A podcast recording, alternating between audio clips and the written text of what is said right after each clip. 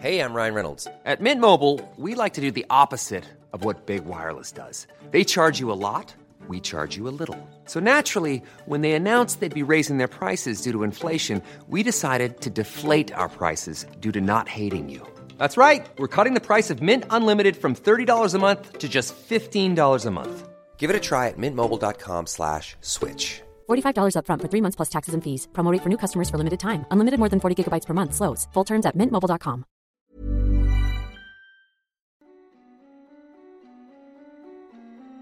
Hej och välkommen till Skräckstunden.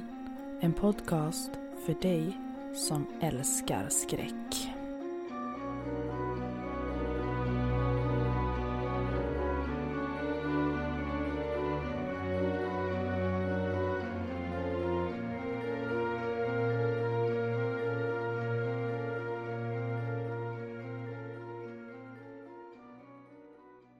Du lyssnar på Skräckstunden med mig, Veronica Hammarlund. Och idag ska ni få höra någonting som många av er längtat efter. Nämligen en ny egenskriven berättelse. Det som är nytt för denna veckan är dock att berättelsen är uppdelad i två delar. Så denna vecka kommer ni få höra del 1 och nästa vecka får ni fortsättningen men även slutet på berättelsen. Nu kör vi igång veckans avsnitt och du ska få höra min berättelse den ärvda stugan.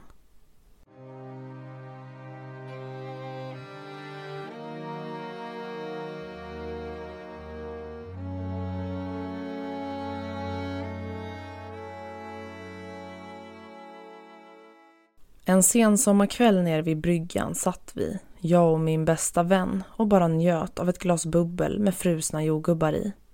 Jag hade älskat den här stugan sedan jag varit här första gången. När jag kom hit första gången så minns jag hur den lilla timmerstugan stod fridfull precis på höjden ovanför vattenbrynet och sjön låg spegelblank. Det var min andra dag på mitt sommarjobb inom hemtjänsten.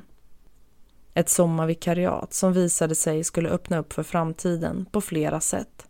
Bättre än jag någonsin ens kunde drömma om. I den här stugan bodde Maja, en gammal dam på 97 år ensam efter att hennes make gått bort några år tidigare och vi i hemtjänsten såg till henne tre gånger per dag och hjälpte henne med enklare bestyr såsom att värma lunch och se till att hon fick i sig sina mediciner. Maja var, trots sin generösa ålder, en dam med krut och minne som en elefant så det fanns inga tecken på någon demens eller så. Men som för de flesta som blir äldre så kan knän och ben ta ut sin rätt efter ett långt livs slitande och hårt arbete. Jag jobbade i stort sett varje dag den sommaren och jag hade alltid samma tur och pass vilket gjorde att jag träffade Maja i stort sett varenda dag. Vi kom därför varandra väldigt nära. Maja hade heller inga anhöriga, inga barn och inte heller någon släkt kvar i livet. Så efter hennes mans bortgång blev hon därför väldigt ensam och det gjorde att när jag väl kom dit så var hon gärna väldigt social och ville prata en stund. Ingenting mig emot. Jag tyckte väldigt mycket om att prata med henne. Jag gillade hennes spännande upplevelser och erfarenheter hon har haft i sitt liv. Jag brukade alltid ta mig lite extra tid för att kunna umgås med henne, för jag visste helt enkelt att hon uppskattade att slippa vara ensam hela tiden. Ibland kändes det nästan som att Maja berättade sagor för mig, eller låt oss säga spökhistorier. Hon pratade ofta om det övernaturliga och berättade om händelser som hon har upplevt som har varit allt annat än trevliga.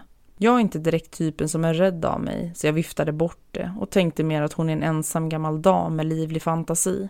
Kanske att hon upplevt närvaro som hon inbillat sig i förhoppning att inte behöva känna sig så ensam. Men jag hade ingen aning. Jag tyckte i alla fall att det var spännande. Mitt sommarvikariat tog slut och jag blev erbjuden ett nytt förlängt vikariat och givetvis så tackade jag ja. Jag trivdes och jag behövde dessutom pengarna.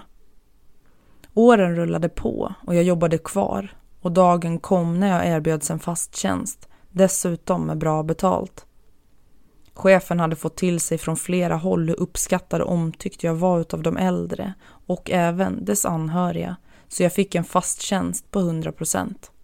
Jag var fortfarande ung och singel så jag hade ingen familj att rätta mig efter ändå. Så jag jobbade så mycket som jag bara kunde. Sen kom den där dagen. Den tunga och sorgliga dagen. Det var en fredag och när jag kommer in på jobbet på morgonen får jag beskedet att Maja somnat in under natten.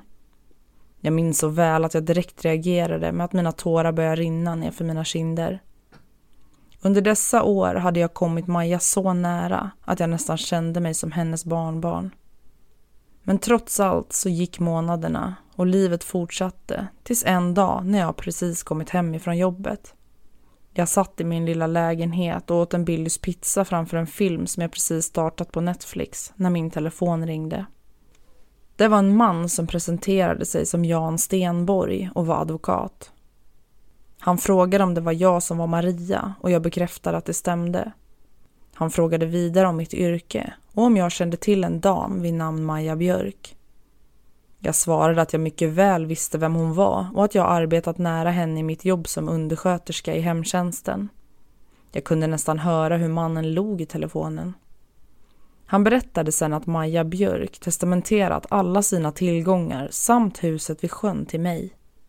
Jag fick inte fram ett ord. Mannen i telefonen frågade till slut. Hallå, är du kvar? Jag hummade någonting i stil med att ja, jag är här. Mannen fortsatte då att berätta och läsa upp testamentet och sa att han gärna ville träffa mig för ett möte där jag skulle få all information mer noggrant. Sagt och gjort. Vi bestämde en träff på hans kontor och väl där läste han ytterligare upp Majas skrivna testamente och jag fick även då veta mer precis vad hennes tillgångar var. Jag fick en chock. Jag fick inte bara en chock av just insikten att Maja faktiskt var mångmiljonär, utan att jag, bara lilla jag som varit vänlig och gjort mitt jobb, dessutom fått den äran att fästa ett så stort avtryck i Majas liv att hon valde att ge mig, som den efterlevande, allting hon ägde och hade. Just i den stunden så kunde jag nog inte ta in, eller jag brydde mig nog inte om siffrorna eller värdet i sig, utan mer att jag varit utvald av henne. Mina tårar började rinna igen. Fina, fina Maja. Efter omkring en timmes konstant information lämnade jag hans kontor. Nu med en insikt om att jag blivit mångmiljonär. På bara ett kort ögonblick förändrades mitt liv från en 22-årig tjej i en tvåa som sliter som ett djur för att få ihop ekonomin och vardagslivet till att egentligen inte behöva jobba alls, någonsin mer. Lyckligast av allt var jag nog faktiskt inte för pengarna på banken utan för huset vid sjön. Även om jag förstod att huset var högt värderat vid en eventuell försäljning så var det mitt hus. Ett hus som de flesta bara kan drömma om och det är mitt nu. Med tiden fick jag nycklarna och jag kunde flytta in. Till en början drog jag ner min tjänst ifrån 100% till 50% och jag kände mig nöjd med det. Jag tyckte fortfarande om mitt jobb men nu kunde jag välja själv att jobba halvtid och då kunde jag också göra annat som jag tyckte om. Som bland annat att måla, som var ett av mina största intressen. Jag flyttade in och började så smått måla, tapetsera och göra lite mindre fix och doningar för att göra lite mer så som jag önskade. Även om det var fint innan också. Jag tyckte bara att det behövde en liten upptouchning och framförallt så ville jag få in lite ljusare färger då det var ganska mörkt med allt mörkt trä, trämöbler, trätak och träväggar. Min tanke var att i framtiden göra mer omfattande renoveringar av kök och badrum och till sist även bygga en inglasad altan med vyn ut över sjön. Men först ville jag bo in mig ordentligt för att kunna känna in hur jag verkligen ville ha det. Så tillbaka till bryggan. Det var en sensommarkväll i slutet av juli när jag och min bästa vän Pernilla satt på bryggan och drack bubbel med lite frusna jordgubbar i. Kvällen var varm och jag hade nu bott i huset i omkring fyra månader. Vi satt och planerade hur jag skulle renovera, mina storslagna planer om en inglasad altan, ett lusthus på tomten som jag ville ha som en ateljé och hur jag ville bygga en bastu nere precis intill bryggan. Det här blir dyrt, minns jag att Pernilla sa. Jag svarade någonting i stil med att det inte är några problem. Jag hade inte berättat för henne om tillgångarna som jag ärvt efter Maja i detalj. Inte mer än att jag har sagt att jag har ärvt lite pengar som hon hade på sina konton, vilket hon då antagligen antog var några sparade månadspensioner. Omkring klockan 23 gick vi tillbaka till huset från bryggan och vi bäddade i ordning på soffan så Pernilla kunde sova över. Jag hade än så länge inte hunnit med att fixa ett gästrum, så soffan fick duga. Vid klockan ett kände vi båda att det var dags att gå och lägga sig, så vi fixade i ordning oss och kröp till sängs. Klockan tre kommer Pernilla inrusande in i mitt sovrum. Hon skakar om mig och mer eller mindre vrålar på mig att jag ska vakna. Jag kollar sömndrucket upp och gnuggar mina ögon. Där står Pernilla, likblek och skärrad. Jag frågar henne vad som hänt och hon svarar att någon har stått och hängt över henne i soffan. Jag förstod ingenting. Det var ju bara vi två här. Hon berättar i detalj hur någon har stått och hängt precis över hennes ansikte. Någon med vad hon uppfattar som långt hår som då hängt ner och skicklat henne över pannan och kinderna. Jag förklarade att hon nog har drömt en mardröm och att hon vet att det inte finns någon annan här förutom min katt Sixten som varken är långhårig och dessutom så är han stort sett alltid ute på natten, precis som även denna natt. Pernilla vägrar att ge sig och hon berättar att hon vet vad hon såg och hon svor på att det inte var en dröm. Det hände verkligen på riktigt. Det konstiga var att hon kunde inte beskriva direkt hur personen i fråga såg ut. Hon beskrev det mer som en fristående skugga bara. En gestalt med enbart konturer och som en svartgrå dimma. Det slutade med att Pernilla kröp ner hos mig och vi låg och sov tillsammans den natten.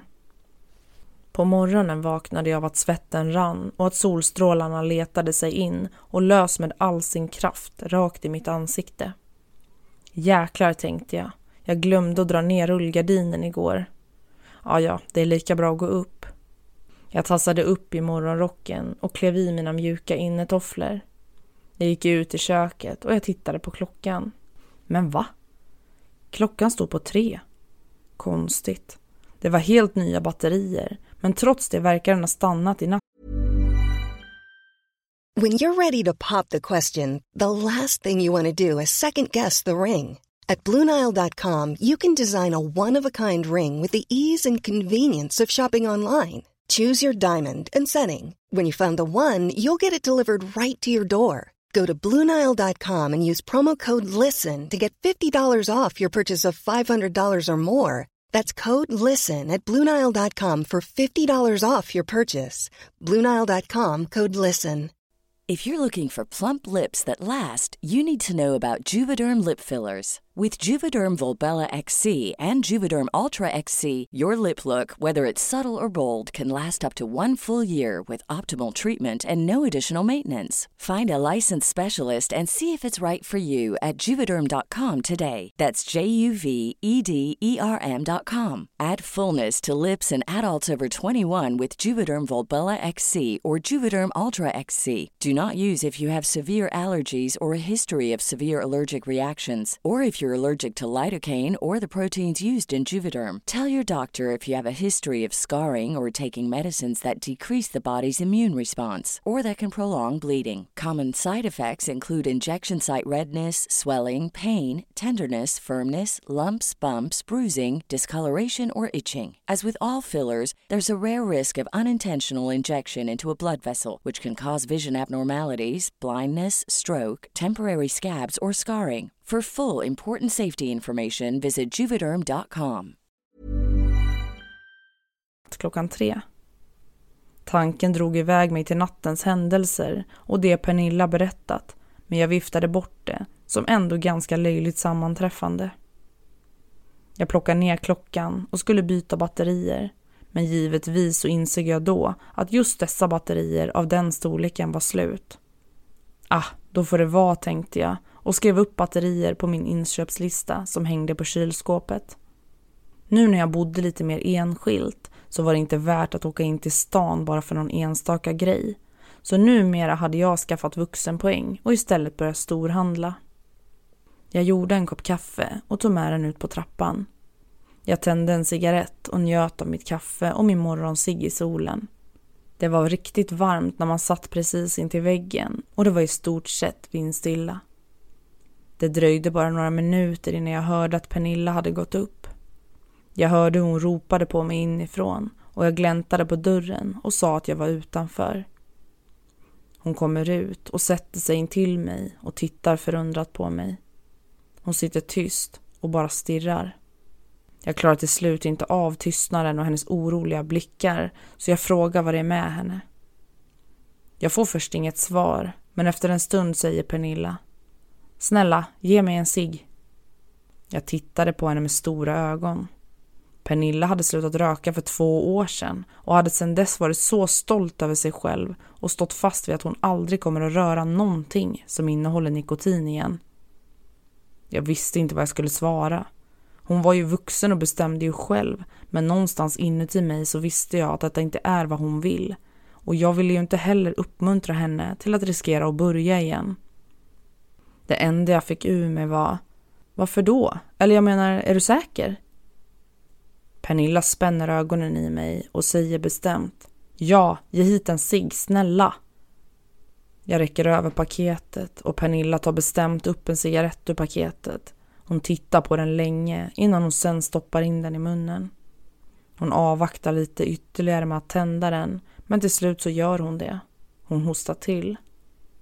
I total tystnad röker hon upp ungefär halva cigaretten innan hon försiktigt säger Du, i natt, alltså vad var det som hände egentligen? Jag visste inte vad jag skulle svara. Jag visste och förstod att någonting underligt skedde här men samtidigt så ville min logiska sida ta över och se det som tillfälligheter. Men jag visste också att Maja så många gånger tidigare berättat saker för mig. Saker hon upplevt. Övernaturliga saker. Mardrömmar kan kännas väldigt trovärdiga och jag menar, en klocka kan ju stanna. Det kan vara tillfälligheter. Jag tittade på henne med en frågande blick samtidigt som jag tände ytterligare en cigarett. Hon tittade med en bestämd blick, rakt in i mina ögon. Det kändes som att hennes blick kunde se igenom hela mig. Som att hon liksom genomborrade alla mina innersta tankar och funderingar med bara en enda blick. Hon fnös till och sa Du kan förneka det hur mycket du vill. Jag vet att du vet att det händer saker här och jag vet att jag inte drömde. Kan du inte åtminstone stå för att det händer något? Jag vill i alla fall åka härifrån. Du kan spendera din tid här om du vill, men jag känner i alla fall inte för att göra det. Det känns inte som en trevlig plats. Pernilla åkte hem och jag stannade kvar hemma. Tiden gick och Pernilla hörde inte av sig förrän nästan två månader senare. Under dessa två månader, som jag i stort sett bara spenderat hemma i huset, hade jag upplevt väldigt mycket saker som jag inte kunde förklara. Inte ens om jag verkligen försöker. Jag skulle nog säga att stämningen i huset var bra. Ända fram tills jag valde att faktiskt sätta planerna om att totalrenovera köket i rullning. Det var som att hela huset vände. Det blev allt annat än familjärt och trevligt för att inte tala om hur besvärligt och motigt allting var. Jag hade beställt kök, jag hade hyrt in snickare, elektriker, VVS-montörer och målare. Jag hade bestämt hur allting skulle vara och den beräknade tiden för att få allting färdigt var mellan tre till fyra veckor. Alla hantverkare hade pratat ihop sig och de själva hade satt upp en plan för vem som skulle vara där och i vilken ordning. Jag menar, jag kan inte sånt så jag överlämnade helt ansvaret till dem. Det enda jag gjorde var att berätta hur jag ville ha det, vilka färger och allt det ytliga. Jag hade bestämt mig för att kosta på det. Jag ville inte ha ett IKEA-kök. Inte för att det kanske skulle vara något fel på det, men jag hade hittat ett annat kök ifrån en annan leverantör som förvisso var tre gånger så dyrt. Men ska jag göra det, då ska det bli precis så som jag vill ha det. Vad jag dock inte hade räknat med då var att köksrenoveringen skulle bli mer än dubbelt så dyr som uträkningen först hade sagt. Och det är bara pengar, tänker du. För min del hade inte just det en betydelse, utan mer omständigheterna. Allting som kunde gå fel gick verkligen fel. Precis som att någon eller något inte tillät mig att renovera eller ändra om i huset. Jag kan omöjligt rabbla allting som gick fel, men för att ta ett exempel så skulle snickarna riva en del av en vägg. Jag hyrde särskilt för ändamålet in en konstruktör för att säkerställa att den här delen av väggen skulle gå att riva så att inte det skulle vara bärande väggar eller kunna bli några problem. Och det var det inte. Inte så långt. Snickarna i samråd med elektrikerna och VVS-arna kollade igenom väggen och det fanns varken vatten eller el så de kunde bara börja riva. Allting kändes så spännande för mig. Detta var min första renovering någonsin och att jag fick bestämma allt, se hur det förändrades och hur det skulle ta form efter mina önskemål. Det var helt fantastiskt spännande. Men det blev mer en mardröm. Snickarna rev väggen, allt gick bra, fram tills morgonen efter när de kom tillbaka. Det fanns stora fläckar och pölar på golvet där väggen har stått. Precis som att det skulle stått en vägg där och att det skulle blivit en stor vattenläcka. Det konstiga är att väggen var ju borta. Det fanns inga fläckar i taket så det kunde inte kommit därifrån. Och det fanns inga rör, inte ens i närheten. Allting sånt var dessutom noga kontrollerat, så vart kom vattnet ifrån? Jag har aldrig sett det här tidigare. De fick göra noga kontroller och efter att allt vatten, som alltså var som en stor pöl, var upptorkat visade det sig att golvet var så fuktskadat att trägolvet hade luckrats upp och ruttnat. Hur är det ens möjligt? Det har aldrig funnits en fläck på det här golvet förut och hur kan det ha blivit så illa över bara en natt om det nu skulle varit vatten där över natten? Kan verkligen tjocka träplankor blir helt genommörkna på 12 timmar? Oavsett förklaring eller inte till detta så medförde det att de fick såga upp golvet runt den här fläcken och byta ut alla brädor som var rötskadade. När de ändå gjorde det bad jag dem att kolla under golvet och där gjorde vi en fasansfull upptäckt. En bra bit ner i sågspånet som låg som ett lager under golvet. Mest troligt använde man det för att isolera med förr. Där låg det som en liten tygdocka. Den ena snickaren sträckte sig och fick tag i dockan. Han tog upp den och räckte fram den emot mig. Det var då jag insåg vad det var. En voodoo-docka. Så många frågor snurrade i mitt huvud samtidigt. Jag visste inte vad jag skulle säga. Jag förblev tyst och orörlig i säkert en minut. Varför i hela friden låg det en voodoo-docka under golvet på ett så gammalt hus? Varför har någon lagt den där och när har någon gjort det? Det konstigaste av allt var dessutom att dockan såg helt ny ut. Huset var byggt 1913 och så vitt jag vet så är det nog originalgolv sedan dess. Och även om så inte vore, hur kan dockan se så ny ut? Jag vet inte varför jag sen gjorde det jag gjorde. Kanske var jag bara tvungen att veta. Jag lyfte upp dockan mot min näsa för att lukta på den. Jag menar, har den legat där i många år, nere i spånet under golvet, så borde den lukta gammalt eller unket, så som det gör i sådana utrymmen. Men den gjorde inte det. Doften som nådde mina näsborrar var bara en stark och frän doft av parfym. Så stark att jag kunde tro att någon bara en minut innan skulle sprayat parfym på den. Det sjukaste var också att jag kände så väl igen doften. Jag kunde inte placera det. Var har jag känt den här doften? Det slog mig. Det är min parfym.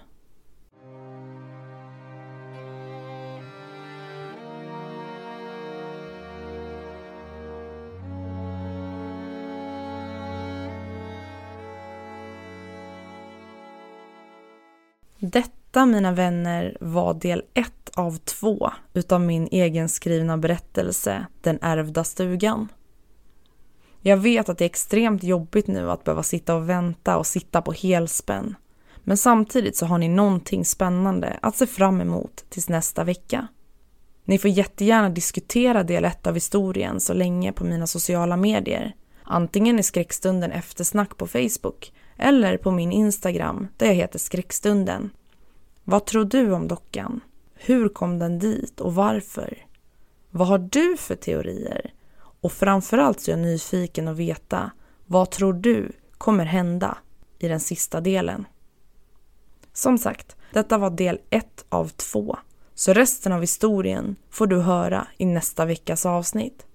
Vill du stötta skräckstunden lite extra så har jag lagt en länk i avsnittsbeskrivningen där du kan gå in och skänka en valfri summa. Och det här stöttar och hjälper podden så att vi kan fortsätta leverera avsnitt varje vecka. Så tack så mycket! Du har lyssnat på Skräckstunden.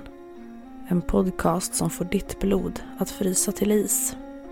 Ha en fin vecka så hörs vi snart igen.